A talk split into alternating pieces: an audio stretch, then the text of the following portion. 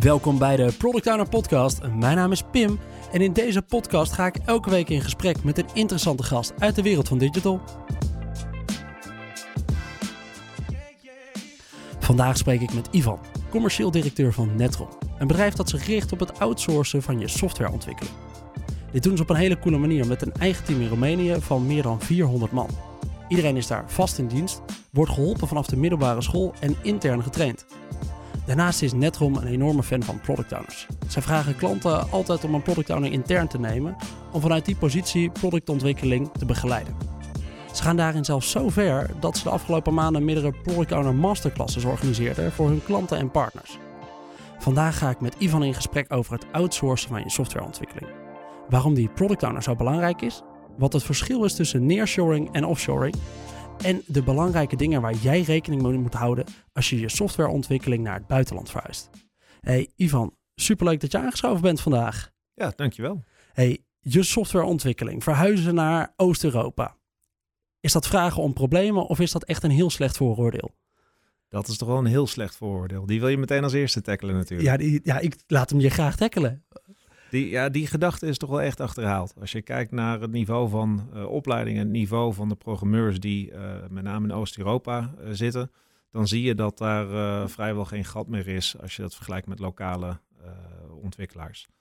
Um, op dit moment zie je dat het niveau van de expertise ja. die in de jaren is opgebouwd, ehm, gelijk of op een hoger niveau zit dan de meeste ontwikkelaars hier. Oké, kijk, dat is goed om te horen.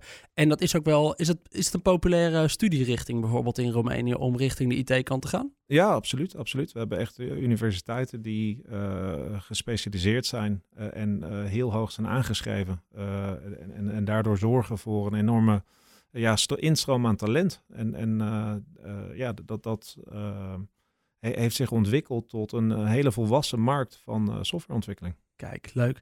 Hey Ivan, super cool. Hoe lang ben je nu eigenlijk al bezig bij Netrom?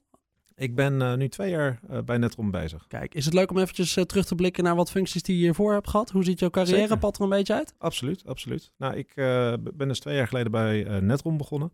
Hiervoor heb ik een zevental jaar bij Danone gewerkt. onder andere aan verschillende digitale transformatieprojecten. Um, ik heb daarvoor ook een tijd in management consultancy gewerkt voor een firma Bearing Point. Daar met name uh, ook gericht op digitale transformatietrajecten bij bedrijven als PostNL, KPN, et cetera. En ik heb een tijd een uh, eigen onderneming gehad, uh, een softwarebedrijf, waar ik ook dus met name aan, aan de klantzijde heb gewerkt met vergelijkbare partijen als Netrom. ook bij Bearing Point en ook in mijn tijd bij Danone heel veel met uh, IT-leveranciers gewerkt. En, en uh, nu mag ik dat doen uh, vanuit een IT-leverancier zelf. Vanuit de andere stoel. Oh, dat ja. is wel leuk om die switch te hebben gemaakt. Hey, en Netrom, ik noemde het al eventjes in de intro. Ja, je wees me van tevoren toen we erover belden al eventjes op. Ja, we hebben net een hele coole bedrijfsvideo gemaakt. Pim, die moet je eventjes zien. want wat wij in Roemenië aan het doen zijn is echt uniek en is echt heel cool. Ja, ik eventjes gaan kijken. En wat zie ik inderdaad? Gewoon echt een mooi pand waar iedereen in dienst is. Uh, zelfs een carwash erbij. En kun je me heel even meenemen in wat Netrom nu eigenlijk doet? Hoe ziet de organisatie er nu uit? Want jullie hebben zowel mensen in Nederland als dus mensen in Roemenië zitten.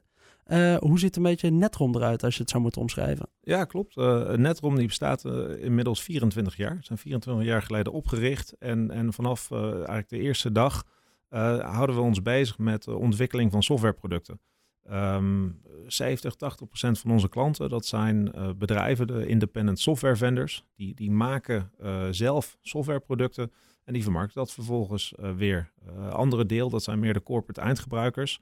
En die ontwikkelen eigen software um, voor optimalisatie van interne processen. En in de loop der jaren hebben we, um, ik, ik, denk, twee punten van, van onderscheid ontwikkeld. Um, althans, uh, twee punten waar we echt in proberen te differentiëren. Precies, waar je ook trots op bent. Waar we heel trots op zijn. Ja. En, en ik denk dat eerste punt, dat is uh, de, de, de knowledge base van uh, ja, vertical specifieke capabilities die we in de loop der jaren hebben ontwikkeld. En de manier waarop we dat ontsluiten richting onze klanten. En, en dat, daar ga ik straks nog wat meer over vertellen, want er zijn best veel verschillende manieren van hoe je outsourcing aan kan vliegen. Ja. Maar uh, misschien eerst even het tweede punt. Uh, het tweede punt is dat we vanaf dag één onze medewerkers altijd op de eerste plaats hebben gezet. En dat doen wij omdat we op een heel vroeg moment al hebben ingezien dat um, continuïteit ontzettend belangrijk is voor onze opdrachtgevers en voor de tevredenheid van onze klanten. Dus wij doen er alles aan om uh, ervoor te zorgen dat onze medewerkers ontzettend tevreden zijn en, en bij ons in dienst blijven. Ah, ja, en dat is misschien, in ieder geval, dat is misschien mijn, uh, mijn bekrompen opinie, maar ik denk dat dat in Nederland heel normaal gezien wordt. Maar voor mijn gevoel is dat in Oost-Europa wat minder normaal, dat je op die manier je werknemer zo centraal stelt. Of zie ik dat verkeerd? Eh, het, het, is niet iets wat uh, enorm veel voorkomt. En, je ziet daar ook um, dat, dat het verloop op dit moment, nu, nu er veel druk op de arbeidsmarkt zit, nou ja, bij, best op kan lopen bij, bij de nodige partijen. Maar, maar doordat wij ontzettend investeren in de persoonlijke ontwikkeling van onze mensen, zien we dat we dat heel goed onder controle weten te houden. Gaaf. En er zitten 400 mensen nu in Roemenië. Hoeveel mensen daarvan zijn echt direct developer? Uh, ongeveer 95 procent. We, we, zitten nu geloof ik deze maand aan 430. Dus uh, we, we, groeien in die zin lekker door. Het is echt een techneutenclub. Ja. En, en uh, nou ja, vandaar, je noemde die video al. we hebben een eigen carwash, we hebben sportfaciliteiten. We hebben een beetje Silicon Valley-achtige praktijken ingericht om, om het uh, aantrekkelijk te maken. Ja. En, en een soort interne uh, academy die zorgt uh, of die, die talenten vanaf de middelbare school volgt en, en eigenlijk voortdurend bezig is ook in, in hun tijd bij ons om die mensen op te leiden en te blijven doorontwikkelen. Ja. dat zorgt voor een stukje binding. Ja, mooi concept. Hey, ik zou graag eventjes uh, de switch willen maken naar het hoofdonderwerp. We hadden het erover. Ja, ik wil eigenlijk wel aan meer product owners uitleggen hoe dat nou zit als je je softwareontwikkeling gaat uitbesteden naar het buitenland. Er hangen in mijn ogen vaak nog veel stigma's omheen. Sommige dingen gaan wel goed, sommige dingen gaan niet goed. Je hebt offshoring, je hebt nearshoring. Dus je kan mensen in India iets laten ontwikkelen of in Oekraïne, Roemenië. Ja, zou je me eventjes kunnen meenemen in het beeld hoe dat een beetje door de jaren heen is gegaan? Wanneer zijn we begonnen met die softwareontwikkeling uitbesteden vanuit Nederland? Ja, ik, ik, denk dat wij 24 jaar geleden een van de uh, uh, eerdere partijen zijn geweest. Althans, toen is het een beetje gaan, gaan, gaan groeien, gaan ontwikkelen. Maar, maar, als je kijkt naar de manieren waarop je kunt uitbesteden, ja. dat, dat is ook nog heel erg divers. En ik denk dat het wel nuttig is om daar even wat, wat tijd aan te besteden. Ja. Want in, in de meest simpele vorm van, van het uitbesteden van, van je softwareontwikkeling of van je productontwikkeling heb je uh, het idee van remote staffing. Of, of ja. komt het meest in de buurt van data sharing. Of, of uh, staff augmentation wordt dat ook wel genoemd. En wat je daar doet, is uh, je stelt gewoon een individu beschikbaar. En, en er zijn partijen die daarin bemiddelen. Die op het moment dat er een verzoek komt vanuit een klant gaan recruiten. er zijn ook partijen die mensen een eigen dienst hebben. Maar op dat moment word je um, als het ware als opdrachtgever, um, krijg je een cv neem iemand aan en, en word je ook geacht het, het volledige management over zo'n individu over te nemen. En, en is het succes van, van zo'n outsourcing relatie, dat, dat valt of staat als het ware met zo'n individu. Ja. Um, hè, dat, dat is een hele tactische of operationele vorm van, van samenwerken. Op het moment dat je eh, iets meer op gaat schuiven richting een meer strategische vorm van samenwerking, uh, kan je ook denken aan, aan project, projectgebaseerde opdrachten of meer tactische consultancy. Um, en, en, en dat um, zijn vaak uh, projecten natuurlijk met een, een, begin, een midden en een einde. Ja, precies. Uh, dus als je zegt, hey, we willen dit stukje software gaan bouwen. Wie kan ons nu helpen met dit stukje software bouwen? Ja, krijg, ja. krijg je een, een soort samengesteld team van, van diverse rollen. En, en ga je een, een, um, uh, een samenwerking aan op projectbasis. Nou, ja. Nog verder uh, naar rechts krijg je een, een, een uh, nearshore of outsource model. Waarbij je echt uh, meer richt op, op een capaciteitsvraagstuk. Ja. Waar je als het ware wel het management over die mensen doet, maar puur richt op, op het leveren van handjes. Ja. Als je nog meer richting de strategische as gaat, dat, dan krijg je echt een, een stukje co-creatie in je productontwikkeling, waar expertise centraal staat. En waar je dus in een hele nauwe samenwerking uh, met de klant uh, softwareproducten gaat ontwikkelen. En dat ja. is precies waar wij ons op richten. En vandaar ook de noodzaak om uh, een product owner bij onze klant aanwezig te hebben. Ja. Want die productontwikkeling moet wel echt in co-creatie gebeuren. Juist. Ah, oké. Okay. Dus je hebt eigenlijk vier, uh, vier stappen als het gaat om outsourcing. Een goede om even toelicht. Je hebt een stukje remote staf. Dat is eigenlijk de eerste staffel. Je hebt strategisch projectgericht. Je hebt partner slash outsource. en je hebt co-creatie. En eigenlijk in, als je dus zegt ik ga iets uitbesteden hiervan, dan heb je eigenlijk die vier opties om, uh, om te gaan richten. En jullie richten je met name op die laatste stap waarin je dus echt zegt, we gaan de co-creatie aan met onze klanten. Dus we gaan een langere termijn traject aan om iets te bouwen. Er zijn nog één of twee andere varianten als meer strategische consultancy en dat soort dingen. Ja. Maar, maar wij, wij richten ons echt op, op die uh, productontwikkeling in co-creatie. Ja. Waarbij je ook een bepaalde vorm van continuïteit nodig hebt. Uh, vandaar dat ook um, die, die um, continuïteit bij, bij onze opdrachtgevers ontzettend relevant is. Hè, uh, vaak uh, hebben we hebben klanten die zijn al 9, 10, 11, 12 jaar klant. Ja. En, en, en die teams die, uh, die, die, zitten al gewoon al, al heel lang. Die samenwerking is echt ontzettend volwassen. Ja, je zei net 24 jaar geleden zijn wij gestart en daarmee waren we misschien wel een beetje de eerdere spelers. Is dat is een beetje de begin, ja, dat is top ook wel. Met softwareontwikkeling ging natuurlijk eind jaren 90 heel hard, begin van de zero's dat is ook eigenlijk het moment dat we gelijk al in Nederland ontdekten dat we misschien niet genoeg capaciteit hadden aan developers. Waardoor we ook dit soort dingen moesten gaan opzetten, developmentkracht uit het buitenland moesten halen. Of kwam dat eigenlijk pas later? Nou, die exacte historie moet je een beetje schuldig blijven, moet ik zeggen hoor. Geen historicus uitgenodigd, nee, dat precies. snap ik. Ja. Nee, um, en nou dan gaan we eventjes door naar het stukje nearshoring en offshoring. Waar ligt de grens tussen wanneer is het nearshore, wanneer is het offshore en wat zijn nou voor- en nadelen van beide? Nou, officieel zitten die begrippen uh, iets meer gerelateerd vaak aan tijdzones. En hoe, hoe ja. dichtbij is het eigenlijk? Uh, offshore, dan zie je toch vaak dat er een groot tijdsverschil is en dat je een, een heel stuk verder weg gaat. Maar uh, door het stukje nearshoring um, zeg maar in te zien als het gaat om, om bepaalde voorbeelden, voordelen ten opzichte van offshoring, wat er ook vaak bij komt kijken, is dat, dat er ook wel een ander kostenplaatje bij zit. Uh, offshoring is vaak toch nog echt een stuk goedkoper. Uh, wat je daarmee ook uh, automatisch krijgt, is dat het vaak meer echt de, de, de bodyshop-achtige partijen zijn. iets meer het handjeswerk, het capaciteitsvraagstuk. En, en hè, dat zal zeker niet in alle gevallen opgaan, maar minder die expertise en um, nou ja, wat je met name in Oost-Europa veel ziet, is dat er echt gewoon hele degelijke uh, opleidingen zijn ja. uh, voor, uh, voor softwareontwikkelaars. Wat zijn de populairste landen als het gaat om offshoring?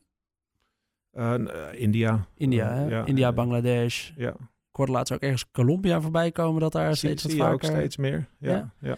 En als het gaat om nearshoring, dan pakken we met name Oekraïne, Roemenië. Polen, inderdaad. Klopt. Polen, Hongarije ook nog wel.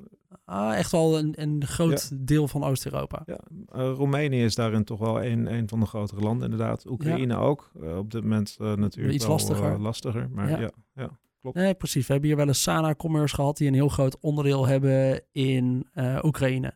Die daar volgens mij overigens echt heel mooi met hun medewerkers hebben geprobeerd die allemaal te verhuizen. En, ja. Wat ook ooit. Hey, en dus inderdaad, voor, voor nadelen als je kiest tussen uh, offshoring en nearshoring, is dat ja, nearshoring, met name de Oost-Europese landen, dus wat uh, vaak ook wat meer deelnemend zijn, dat daar iets meer de expertise zit. En als je offshore gaat, dat je echt bouwkracht heel snel kan opschalen, afschalen. Maar je noemt het een beetje een body shop. Dat is gewoon, oké, we gaan nu een bumper bouwen of we gaan nu dus een nieuw stukje frontend bouwen. ga maar bouwen. Nou, een, een, een trend die, die je nu ook ziet bij nearshoring is dat um, die, die, mede aangezet door, door de ontwikkeling met COVID en remote werken, dat die, dat die grens eigenlijk compleet verdwijnt. Hè, met, met ontzettende tekorten als het gaat om, om um, uh, in ieder geval de, de schaarste in de markt met talent, zie je dat er ook gewoon partijen zijn die uh, proberen rechtstreeks contracten aan te bieden uh, tegen Europese of Amerikaanse voorwaarden. Ja. En, en, en, je ziet dat het niet langer nodig is om on-site te zijn in een kantoor en dat veel van de dienstverlening in, in een remote setting wordt geleverd. Ja. Er zijn verschillende partijen die gewoon een, een blend hebben aan developers die in Europa zijn gevestigd en developers die in Oost-Europa zijn gevestigd. Ja. En dat dat gewoon als één dienstverlening geldt, omdat die niveaus toch, uh, ja, toch, toch heel vergelijkbaar zijn. Precies. Ja, en dan is je daily scrum voor de een alleen eventjes aan het einde van de werkdag en voor de ander aan het begin. Absoluut. hey, dat, is wel, dat is wel leuk. Um, heb jij als een klant bij jullie dus zijn software uitbesteedt, heb je dan lead development in Nederland zitten of, heb je, of zit lead development bij de klant intern, bij jullie in Nederland of zit die ook in Roemenië? Die zit ook in Roemenië. Zit ook in Roemenië. Ja, wij doen onze volledige delivery vanuit Roemenië. Oké, dan heb je het stukje product owner. Je noemde hem net zelf al eventjes. Uh, ik noemde hem in mijn intro dat jullie fan zijn van de product owner, maar stiekem zei je ook wel een beetje, nee, we verplichten een klant dat ze een product owner hebben, want ja, eigenlijk weten we dat het anders geen succes wordt. Klopt, en, en dat heeft alles te maken met het idee van co-creatie in, in de productontwikkeling, in de softwareontwikkeling. De product owner is voor ons de allerbelangrijkste schakel richting uh, onze klanten. Uh, en, en wij hebben een, een volwassen product owner nodig om succesvol te kunnen zijn in, in het leveren van onze propositie. Uh, dus dat is altijd een eis voor ons in het aangaan van een uh, nieuwe samenwerking. Ja. En, en het succes van onze dienstverlening, dat valt of staat met de kwaliteiten van de product owner aan, aan de kant van onze klanten. Wat gaat er bijvoorbeeld mis als die er niet zit? De, de, Wat hebben we zien misgaan door de jaren heen, zeg maar, daarvoor? Wij starten geen samenwerking op het moment dat die niet is. Ja. Dus, dus we hebben geen uh, voorbeelden van, van uh, dat soort momenten. Nee. Kijk, wat, wat, er wel eens gebeurt is als er iemand wegvalt op ja. een cruciale positie. En, en wat wij dan proberen te doen, we hebben natuurlijk een, een vrij breed netwerk van verschillende product owners waar we in het verleden mee hebben samengewerkt. Dat, dan proberen we iemand naar voren te schuiven die de juiste competenties heeft en, en, en past bij de, dat soort type organisaties. Maar anders krijg je gewoon een, uh, op het moment dat, dat zo'n persoon niet uh, aanwezig is, heb je geen besluitvorming als het gaat om welke kant gaat een bepaald product op, welke prioriteiten uh, of welke uh, requirements krijgen prioriteit? En, en hoe ziet een backlog eruit als het gaat om uh, het definiëren van bepaalde user stories en requirements? Ja, oh, ik, ik, denk dat ik hem. ik voel hem wel inderdaad, wat je zegt. Want ja, inderdaad, als je direct met de businesskant samenwerking zou doen. en je hebt gewoon een manager zitten of een, stel een business manager op die tak. en zegt ja, we gaan dit gewoon maken hey jongens, ga maar maken. Ja, dan krijg je hem eigenlijk vanaf het moment ga maar maken in handen. Terwijl als je intern die product owner hebt zitten, dan hoeft die lead developer daar, daar nog niet eens te zitten. Als die product owner het maar weet in te schatten in welke fases je dingen wil gaan maken, wat nu belangrijk is en wat pas op een later moment belangrijk is, ja. dan helpt dat een hele hoop in die outsourcing. Hey, en als ik nu als uh, product owner uh, wil starten met, uh, met outsourcing. Dus ik merk eigenlijk, waarschijnlijk is dat het moment dat ik zeg: hé hey jongens, we hebben developers in, intern nodig. En dan zegt de recruitment afdeling, zeer waarschijnlijk. Nou, dat kan wel eventjes duren voordat we nieuwe developers hebben. Ja. dan ga ik op zoek naar een partij waarbij ik het kan outsourcen. Wat is de goede manier om dat aan te pakken? Nou, um, ligt, ligt hem natuurlijk een beetje aan het model waar je voor kiest. We hebben natuurlijk een, een, ontzettende focus op een model waar wij richten op die co-creatie en productontwikkeling. Uh, op het moment dat, dat jij uh, als, als product owner, als, als organisatie uh, heel graag het micromanagement wil doen over individuen, ja. dat, dan moet je eerder denken aan zo'n remote staffing model. Ja. En, en, ga je daarnaar op zoek. Op het moment dat je echt op zoek bent naar een stukje expertise en, en bijdragen als het gaat om, om die uh, ontwikkeling van de producten. En, en je wil ook uh, voortbouwen op, op het collectieve expertise van, van zo'n organisatie en team. Uh, dan zou je bijvoorbeeld in, in gesprek kunnen gaan met een partij als, als Netrom. En wat, wat, we daar als eerste doen, is we proberen een beeld van de organisatie te krijgen en een, een mogelijke eerste scope te identificeren waar het zinvol zou kunnen zijn om te starten. En, en dat, dat zou bijvoorbeeld een uh, migratietraject kunnen zijn. Dat, dat zou een, een wat kleinere pilot kunnen zijn of een testcase. Of dat, dat zou uh, simpelweg kunnen zijn dat je uh, mee gaat draaien en mee gaat werken aan een bestaande backlog. Op het moment dat, ja, dat, dat die aansluiting daar zo is. Um, Allereerst uh, hebben we een soort gesprek om, om um, ja, de uitgangspunten van een samenwerking met de partij als Net, Netrom uh, uh, scherp te krijgen. Wat, wat zijn waardes voor ons als bedrijf? Hoe werken wij? en, en wat is daarin belangrijk? Nou, heb je daarin een match qua, qua bedrijfscultuur en, en visie op hoe je die softwareontwikkeling moet doen? Dan gaan we het gesprek verschuiven naar een meer technisch inhoudelijk gesprek. En, en dan proberen we dus ook uh, de, de technische mensen van onze klant, uh, vaak begint dat met de CTO, maar al, al, snel een head of software development en zelfs een architect erbij, proberen we uh, echt een, een scope te gaan identificeren. En aan onze zijde begint het stukje resource allocatie pas op het moment dat het management echt scherp heeft wat nou precies de behoeften zijn van de klant, wat die requirements zijn.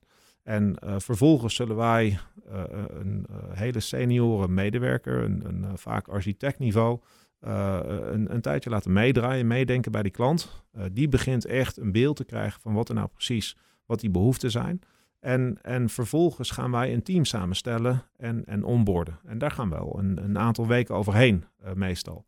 Omdat dat vaak een mix is van de juiste vertical expertise. Ja. Uiteraard de juiste technisch-inhoudelijke kennis, maar ook een hele hoop soft skills die erbij komen kijken. Om, om zeg maar de samenwerking en de dynamiek van zo'n team helemaal op de juiste manier in te richten. Kijk, en dan ga je eigenlijk dus samen bepalen. En dat is inderdaad wat mooi als je inderdaad dus een, een goede senior hebt zitten aan de kant in Roemenië. Roemenië die kan waarschijnlijk goed inschatten met hoeveel personen ze eigenlijk moeten gaan werken aan zo'n stuk software. En dan krijg je dan een paar, heb je dan ineens een paar dedicated medewerkers? Absoluut. Wij werken um, eigenlijk voornamelijk met uh, dedicated teams. En dan doen we op basis van een doorlopende time and material samenwerking met, met gewoon x aantal FTE beschikbaar. En vaak is dat een, een, mix van een aantal developers en een quality assurance engineer. Ja, en als we nou eens eventjes, nou even boven Netrom gewoon eens eventjes kijken naar nearshoring in het algemeen. Hè? Mm -hmm. Wat is er, want op een gegeven moment hoor je ook wel weer eens verhalen. Nee, we halen onze software development toch weer intern. En nou, dan bedenkt een partij in één keer weer, nee, we gaan het toch weer extern doen. Wat zijn nou wel de grote lessen die daarbij zitten? Wat wordt er vaak fout gedaan? Waardoor gaat zo'n traject soms fout? Nou, een van de meest belangrijke zaken is uh, het creëren van draagvlak uh, ja. bij het team. Uh, intern, niet alleen op de managementlaag, maar ook bij de volledige technische organisatie. Ze moeten echt bereid zijn en uh, om, om met uh, collega's uh, buiten eigen organisatie te gaan werken. vaak op afstand, na het remote. Nou, er, er, zijn af en toe wat culturele verschillen. En, en is af en toe een, een wellicht door slechte ervaringen uit het verleden een, een bepaalde bias tegen. Dus, dus, je moet actief werken aan het creëren van draagvlak. En, en twee, je moet echt op zoek naar die match in, in bedrijfscultuur. Hè, wat ik net aangaf, ben je op zoek naar een, een ontwikkelaar die je echt kan micromanagen. Of ben je op zoek naar een partner die je kan ontzorgen ja. en echt inhoudelijke uh, toegevoegde waarde kan bieden? Daar moet je vanaf het, het begin gewoon al wel bewust van zijn dat je die keuze hebt. Ja. Dat is wel een hele terechte, denk ik. Want ik geloof wel dat je daar vaak de, de plank op mis kan slaan of de mismatch in kan creëren. Als jij een IT-team hebt wat zegt, nee, wij willen dat al onze mensen 100% betrokken zijn en willen daarop kunnen sturen inderdaad. En nou ja, hopelijk nooit micromanager, maar ze zullen er altijd weer tussen zitten. Uh, ja, dan heb je waarschijnlijk een hele andere partij nodig dan dat je bij jullie hebt. Uh, want je zal vast wel mensen meenemen inderdaad in de dagelijkse ontwikkeling. Maar ja, ergens is het ook wel een zelfsturend team. Uh, wat gewoon de backlog gaat afwerken van die week of de sprint backlog. Ja. Kijk, um, meer dingen waar, uh, waar ik als product owner rekening mee moet houden, waardoor het vaak, waar het vaker fout op gaat. Of, uh, of iets wat we door de jaren hebben geleerd van, nou daardoor gaat het wel goed. Uh, een hele belangrijke is, is om te beseffen dat, dat het wel gewoon een team is van, van mensen. Dus uh, ook, ook, al zitten ze op afstand, uh, het is wel belangrijk om elkaar één keer in de zoveel tijd face-to-face -face te zien. Ja. Dus wij moedigen al onze klanten aan om, om één keer in de drie, vier maanden een keer naar Roemenië te komen. Of dat wij onze mensen juist hier naartoe sturen. Oh, ja? dat, dat, je twee, drie dagen met elkaar in een conferentieruimte gaat zitten. En, en op inhoudelijk vlak ja, ook, ook gewoon de juiste discussies kan voeren van, van tijd tot tijd. En, en s'avonds ook af en toe een biertje kan drinken. Ja, oh, dat is wel een mooi. Je nodigt klanten ook wel specifiek uit om die kant op te gaan. Ja, ik, ik snap ook wel waar die vandaan komt. Hè? Dus ik, je gaat op een gegeven moment ga je het maar zien. Oh nee, dat zijn onze werkpaarden, zeg maar, in het, uh, in het Oostblok. moet je voorkomen. En ja. Uh, ja, nee, als we dat stukje software moeten bouwen, ja, daar hebben we hier intern geen zin in. Dan laat die gasten het daar maar oplossen. En verder doen we er weinig meer aan. Terwijl het inderdaad juist je, je kracht kan zitten als je het even menselijk maakt denk ook die opmerking die je daarvoor maakt, hè, inderdaad een stukje draagvlak creëren. Ja, je moet als dan wel product owner, dan wel CTO die de keuze maakt om dit te doen, wel zorgen dat er blijvend draagvlak is binnen je organisatie om dat team goed te betrekken.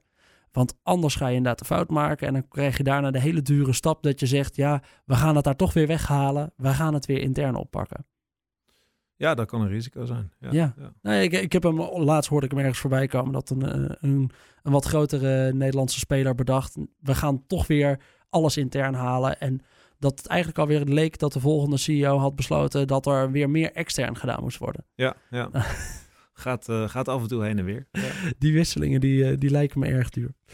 Um, Ivan, is er, nog een, is er nog iets wat je hierover kwijt wil waarvan je zegt, nee, ik heb nog wel een goed voorbeeld van onze klanten waar we dat heel goed hebben aangepakt um, in, een, in een traject. Dus dit hebben we ontwikkeld daarin, als je daar een wat specifieker voorbeeld over hebt. En nou, dit hebben we daar wel echt leuk in gedaan.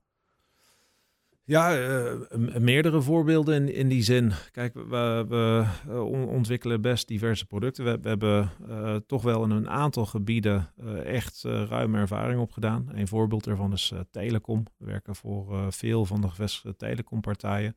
En, en daar zijn we onder andere een samenwerking aangegaan een aantal jaren geleden met, met, met Vodafone Ziggo. Waarbij we een, een hele goede match hadden als het gaat om de, product owner, interne architecten en, en ook nog een, een soort externe ehm, ehm, ja, bewaking vanuit uh, de codekwaliteit door een partij, de Software Improvement Group. En, en uh, daarin eh, zag je dat er binnen zo'n organisatie best veel, um, in ieder geval begin, werd er tegen met name het ontwikkelen van maatwerksoftware aangekeken als een soort risico. En uh, die, die, daardoor is ook uh, die partij uh, naar voren geschoven als, als zijnde nou, monitor die, die kwaliteit. Die controleren de kwaliteit van de code die wordt aangeleverd. Ja, aan de hand van een hele hoop standaarden in de markt, ISO-certificeringen, weten ze dat te bevestigen.